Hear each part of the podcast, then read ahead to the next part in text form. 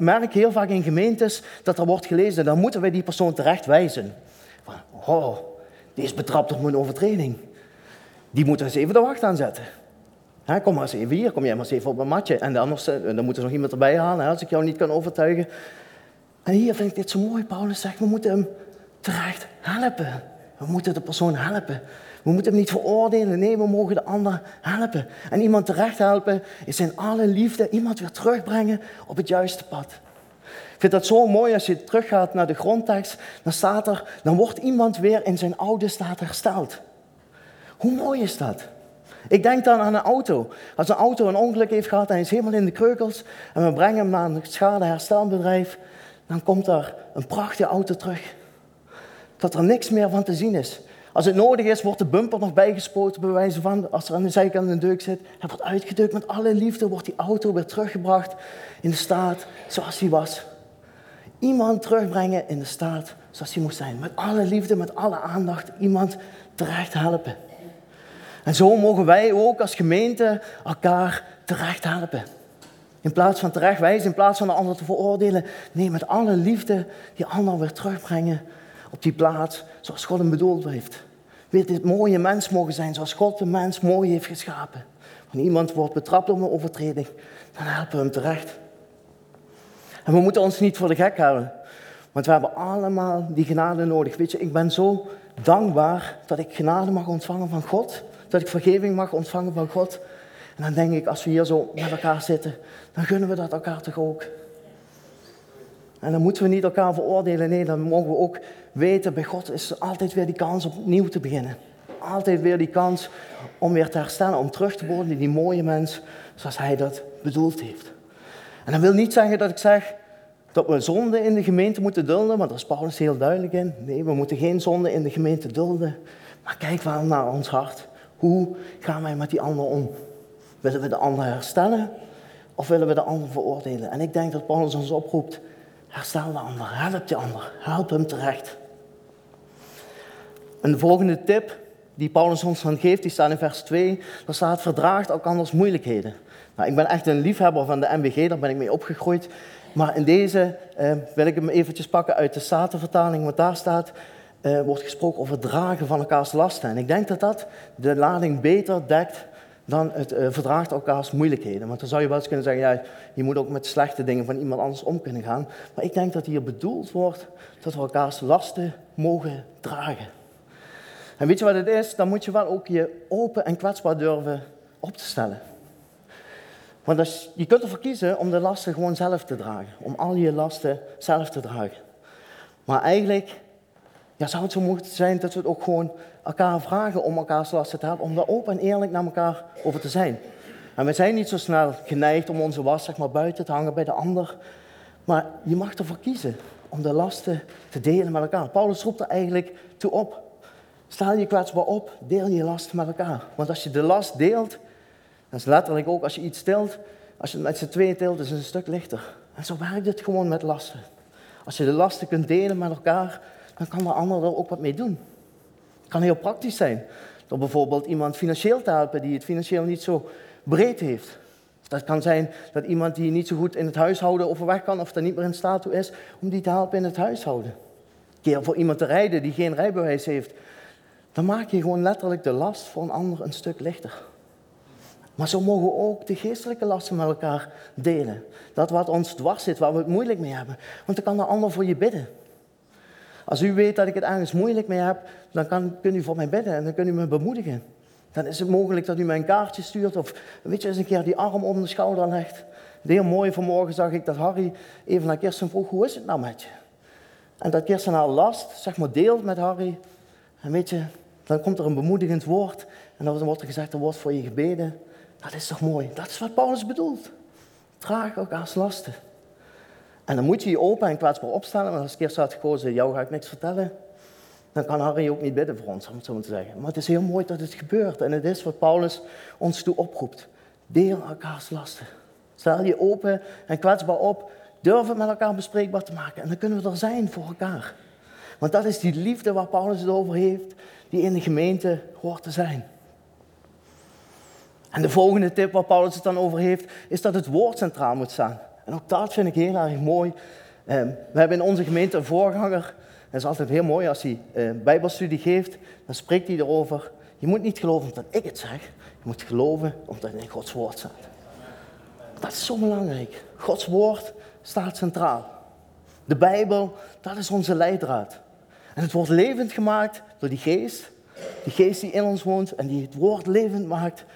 En dan mogen we daarvan leren. En hoe mooi is het dat Paulus zegt, bespreek dat met elkaar.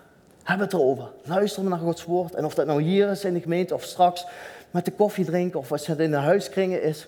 Gods woord, heb het er met elkaar over. Leer daarvan. Ik vind het heel mooi. Ik mag ook wel eens voorgaan in de baptistengemeente in Sittard.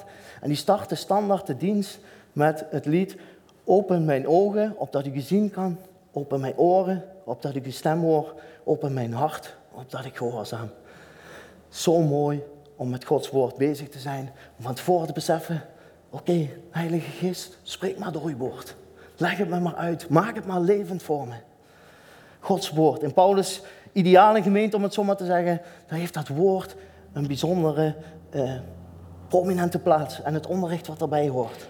Dan delen we met al dat goede wat in dat woord staat. Want er staat een prachtige boodschap in dat woord van God. En vervolgens gaat hij dan verder en dan spreekt hij dat in de gemeente, de ideale gemeente, zo noem ik het dan maar van Paulus, dat er niet wordt gezaaid op de akker van het vlees, maar dan wordt er gezaaid op de akker van de geest. En ik vind dat heel mooi, is sowieso het proces van zaaien en oogsten. Volgens mij heb ik daar vorige keer ook iets over verteld. Ontzettend mooi, hè? Als we iets zaaien, wij kunnen daar wat aan doen. Natuurlijk, het is Gods werk, altijd. God die verricht het wonder. Maar wij kunnen wel zorgen voor die ideale omstandigheden. Wij kunnen wel zorgen dat onkruid uit ons leven, dat dat weggewiet wordt. Ehm, als wij geen water geven, dan weten we ook wel dat er geen vrucht gaat komen. Soms heeft een plantje ook wat mes nodig. Liefde en aandacht, dan staat dat liefde weer. Dat is nodig in dat proces van zaaien en oogsten. Willen wij vrucht ontvangen, dan moeten we eigenlijk die ideale omstandigheden creëren. Om iets tot bloei te laten komen. Hier zien we in het stukje dat met die omstandigheden is niks mis mee. Er zijn twee akkers, om het zo maar te zeggen, en die brengen vrucht voort. Dus die omstandigheden, daar zit het wel goed voor. Maar we hebben wel keuze om op twee verschillende akkers te zaaien. We kunnen zaaien op de akker van de geest, of we kunnen zaaien op de akker van het vlees. En beide akkers worden ook vruchten geoogst. En als ik naar dit stukje dan kijk, dan zie ik dat voor me, dat zeg maar die, die akker van het vlees en van het geest, dat, is, dat zit samen zeg maar in, in ons hart. En het spannende is dan niet zozeer van uh, welke akker gaat er gezaaid worden. Ja, het is wel spannend welke akker. Maar vooral denk ik, wie gaat er zaaien? En wat wordt er gezaaid? Want dat is wel heel spannend. Want als wij zaaien op de akker van de geest, dan geloof ik dat de geest zeg maar zaait in ons hart. En als we zelf zaaien in ons hart, dan brengt dat ook andere vrucht voort. Dat is ook heel logisch. Ik bedoel, als we tarwe oogsten, dan komt er geen boerenkool uit. Dan komt er, als het goed is, komt er tarwe uit. En zo werkt het ook met ja, wie en wat wordt er gezaaid zeg maar, in ons hart, waar allebei die akkers zeg maar, ver, verweven zijn. Ik weet niet hoe ik dat moet uitleggen, maar twee akkers die in ons binnenste zijn. Maar wie laten we zaaien en wat wordt er gezaaid? Dat vind ik eigenlijk de spannende vraag wanneer we het hebben over het zaaien op de akker van het vlees of zaaien op de akker van de geest. En de grote spannende vraag is dan ook niet zozeer eh, om welke akker het gaat. Ik denk vooral om wie zaait er.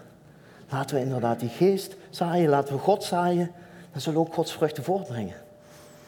En dat is, het, dat is mooi, als we zelf zaaien, ja, dan brengt dat andere vruchten voort. En zijn de vruchten, zeg maar, ja, waar je eigenlijk aan herkent op welke akker gezaaid wordt. En het mooie is, als we zaaien op de uh, van de geest, dan staat er, dan oogsten we eeuwig leven. Leven wordt er geoogst. En dat is toch wat we willen. Als gemeente ook. We willen toch leven voortbrengen naar de andere mensen. Ik hoop dat u ook als gemeente toch bekend staat als een gemeente die leven voortbrengt.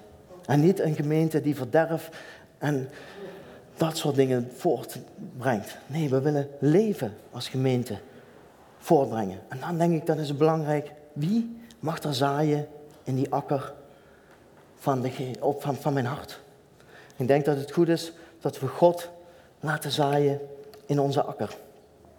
En als laatste heeft Paulus het erover dat in zijn ideale gemeente eigenlijk elke gelegenheid wordt aangegrepen om goed te doen.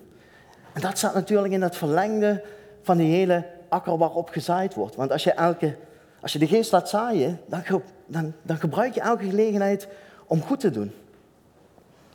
En dat is ontzettend mooi. En ik vind het ook heel mooi als je leest, dat als we het hebben over de vrucht van de geest, dat die start met die, die liefde. De vrucht van de geest is liefde, blijdschap, vrede. Liefde, als we in de Korinthebrief lezen, dan staat er als we geen liefde hebben, dan is het niks. Dan heb je niks. Die liefde is zo ontzettend belangrijk. Liefde klinkt eigenlijk in dit hele stukje, klinkt dit door. De wet is samengevat en heb God lief boven alles en onze naaste als onszelf. Als we dat nou eens zouden doen, dan zag de wereld er ook een heel stuk beter uit, denk ik. Want in principe denk ik dat de meeste mensen prima in staat zijn om goed voor zichzelf te zijn. En God roept ons op, heb mij lief boven alles en je naaste als jezelf. Dus zoals we goed voor onszelf zijn, zo moeten we ook goed zijn voor de ander. En zeker voor onze geloofsgenoten. Als het God is die het zaad van liefde in ons plant, dan zal het ook de liefde van God de logische vrucht zijn die eruit voortkomt. En dat klinkt natuurlijk allemaal heel mooi en ik zie iedereen ook heel mooi klikken of knikken, zeg maar. Maar maak het dan eens in de praktijk. Als je dan dus nadenkt van oké, welke vruchten brengen mijn leven zeg maar voort? Dan mag je nadenken, oké, op welke akker heb ik dan laten zaaien? En grijp ik elke gelegenheid aan om goed te doen? Als ik dat dan niet doe, wie heeft er dan gezaaid? Of op welke akker is gezaaid? En ik weet dat dat heel vervelende vragen zijn. Dan willen we niet altijd aan. Maar ik denk dat het wel belangrijk is.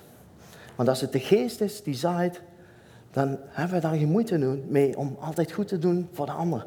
Dan wordt er ook liefde geoogst.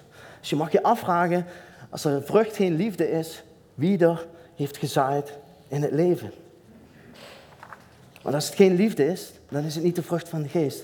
En dan hebben we helaas ons toch laten verleiden om zelf te zaaien of om op die akker van het vlees zeg maar, te zaaien. Goed doen, gewoon om niet. Niet om er wat aan over te houden, niet om er aan te verdienen. Weet je, het is wat Jezus ons heeft voortgeleefd. Hij heeft het ons laten zien. Hij heeft zijn leven gegeven aan het kruis uit liefde voor ons zondige mensen. Als je kijkt naar het verhaal in de hof van Gethsemane, dat hij dan God zegt, mag deze beker alsjeblieft aan mij voorbij gaan. Eigenlijk zegt hij tegen God, God, als de mens op een andere manier gered kan worden, dat ik er niet om hoef te lijden, dat ik er geen pijn van heb, alsjeblieft doe het. Laat het me voorbij gaan. En als je dan leest dat hij bloed zweet, en ik heb me laten vertellen, als je echt in hele erge angst bent dat dat mogelijk is, nou, ik heb nog nooit bloed gezweet, ik denk niemand hier in de dingen, dan weet je hoe Jezus hiermee worstelde. Hoe moeilijk het voor hem was om die weg van God te gaan. Maar Jezus koos ervoor om die geest te laten zaaien op zijn akker. En om Gods wil te doen. Hij zei niet mijn wil, maar uw wil geschieden.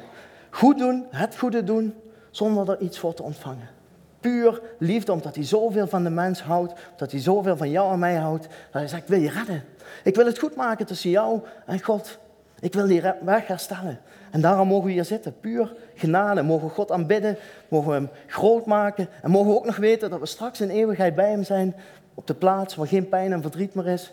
En waar we mogen zien van aangezicht tot aangezicht. Ja, waar we zelfs maaltijd met hem mogen hebben. Ja, hoe fantastisch is dat? En dat kwam omdat Jezus, zijn zoon, zei... Niet mijn dingen, u wil geschieden.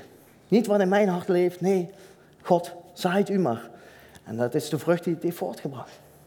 Wat gezaaid is en het heeft herstel gebracht.